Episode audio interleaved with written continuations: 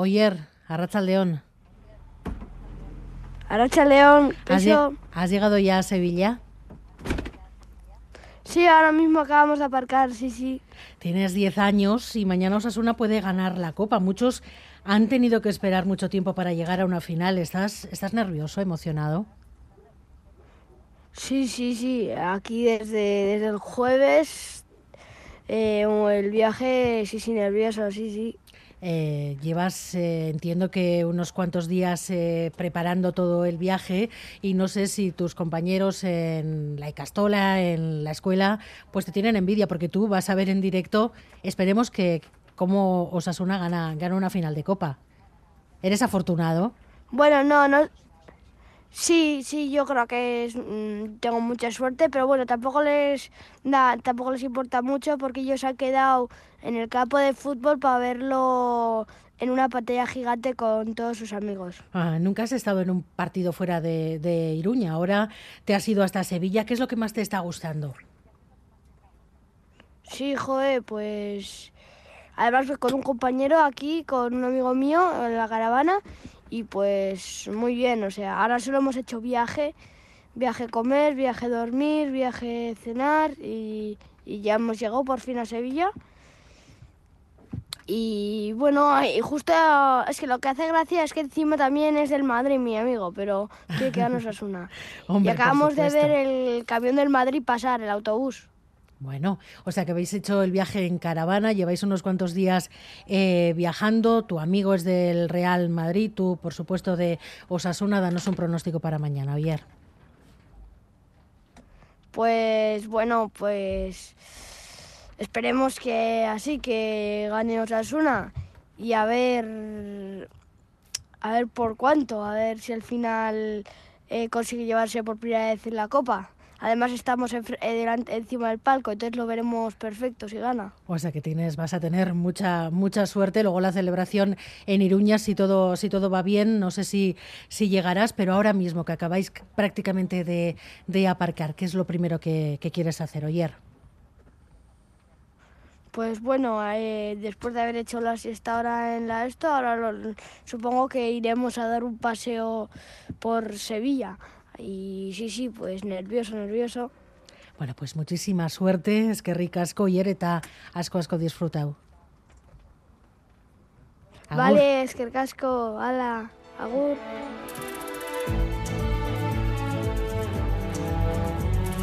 Gambara con Arancha García. Está claro que los que están ya en Sevilla están dispuestos a disfrutarlo todo desde el primer minuto, desde este minuto en el que la ilusión está a tope y en Iruña los que se han quedado, ¿cómo están viviendo estas horas previas al partido ya en Arangoa? La hinchada osasunista teñirá de rojo Sevilla. Muchos seguidores salían de Iruña esta mañana en coche, tren, avión o autobús. A darlo todo, a quedarnos afónicos y a empujar y a lo que haga falta, ya está. Con toda la ilusión, aunque es una paliza de viaje. A ver si podemos darle sorpresa. Con camisetas rojas, bufandas e incluso réplicas de la Copa en familia o con amigos dispuestos a empujar a su equipo. Esto hay que, hay que vivirlo. Voy con el nieto. Voy a ir a pasármelo bien y a ver si gana los Osasuna. Ilusión que se nota también en Iruña. Hasta el ayuntamiento luce una camiseta rojilla gigante en la Plaza del Castillo. Será este sábado el epicentro rojillo con pantallas gigantes para ver la final y DJ. Los bares se preparan para un sábado parecido a San Fermines. Pidiendo de más, reforzando los turnos. Como gané ya va a ser pues, bastante apoteósico. Como un día de San Fermín. No todo el día desde la mañana, pero sí a la tarde. Un día gordo, gordo, gordo. Al menos en 30 localidades navarras tendrán también pantallas gigantes para disfrutar de la final, pase lo que pase. Al final es una jornada festiva, es algo único. En llegar aquí hemos ganado porque es para todos navarros una ilusión tremenda. ¿Qué? Se le puede ganar, ¿no? La Copa a Iruña. Sueñan con vivir un triunfo histórico y que Osasuna vuelva a casa con la Copa. Así es, Careaga, Racha León. Arracha León. De momento, Osasuna sabemos que está entrenando ya en la Cartuja. Y antes de ese entrenamiento han comparecido ante los medios de comunicación el entrenador Yago Barrasate y el capitán David García. El técnico de Berrichu ha dicho que en este tipo de partidos históricos sobran las palabras, no hace falta motivar a nadie y que para que las cosas pasen es fundamental visualizarlas y ha asegurado que él ha visualizado ya a David y a Unai levantando esa copa. El capitán osasunista, por su parte, ha dicho que como buenos navarros no tienen miedo a nada ni a nadie que se les ponga por delante y que solo piensan en lo que pueden hacer mañana sobre el verde para ganar esta copa ante el Real Madrid. Y al margen del torneo del CAO y de ese título en juego mañana en la Cartuja, esta noche en segunda partido clave para el ascenso. En Mendi a las 9 el Deportivo Alavés recibe al Granada. El que gane se colocará como líder provisional a la espera de lo que el próximo lunes sea capaz de hacer el Eibar ante la Unión Deportiva Las Palmas.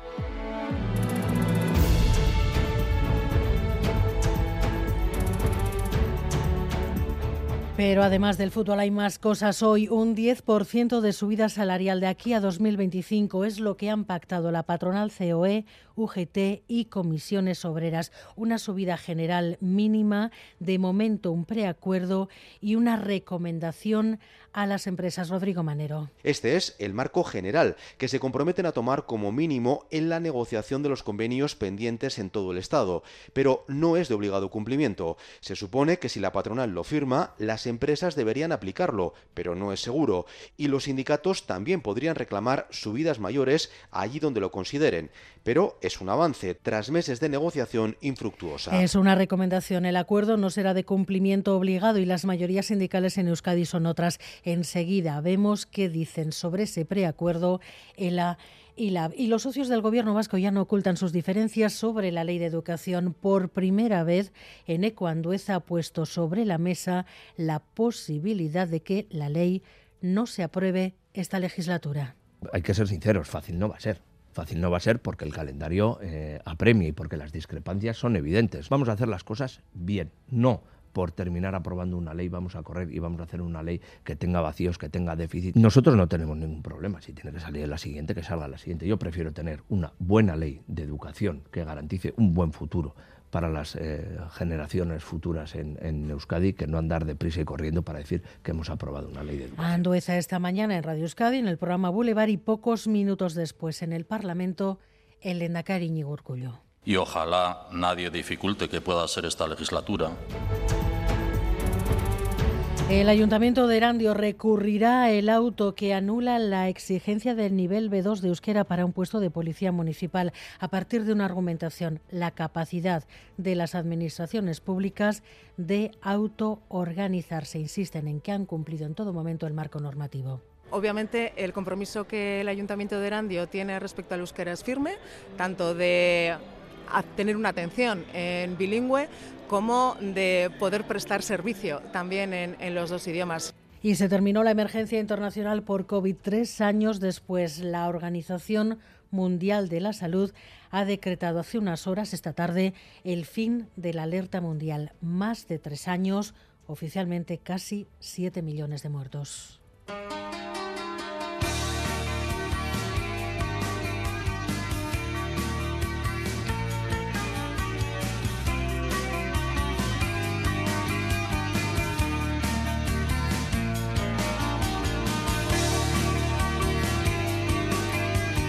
Londres vive ya la locura de la coronación de Carlos III. Miles de personas se han echado a la calle, muchas llevan acampadas desde el martes, las banderas británicas agotadas, las tazas con los rostros del nuevo monarca también, toda la pompa británica contagiando de nuevo al mundo, Gary Suárez. Sí, es sin duda el evento de lo que llevamos de siglo en el Reino Unido. Para muestra, todas las personas que llevan acampando cerca del Palacio de Buckingham desde hace días, a los que hoy, por cierto, la familia real les ha hecho una pequeña visita.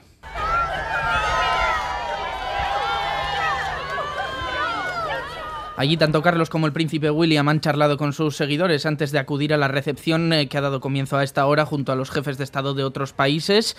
De cara a la coronación de mañana ya hay muchísima expectación entre la ciudadanía inglesa. Se han instalado 57 pantallas gigantes en Londres para que todo el mundo la pueda ver y las ventas de todo tipo de productos relacionados con este acto se han disparado. Para que nos hagamos una idea, el supermercado Lidl asegura que ha vendido suficientes banderines como para alinear la ruta de la procesión hasta 75 veces pero no todo es euforia porque la coronación supondrá un gasto público bastante grande y muchos han levantado la voz en contra. Hay medios que hablan de un coste de 250 millones de libras. Más tarde ampliamos. Y en la hebilla del zapato de Carlos III, un lauburu. David Valles, joyero en Londres, es bilbaíno. Ha diseñado una de las llaves de la ciudad para esta ceremonia y las hebillas de los zapatos que mañana calzará el nuevo rey puse pues, pues, pues un pequeño laburo, ¿sabes? Escondido, que no lo sabe nadie. Bueno, ahora lo sabe todo el mundo, pero que no lo sabe nadie aquí, pues, pues, pues, pues en Inglaterra, y es algo como secreto, y es algo como un, ¿sabes? Como una cosa mía, como una firma.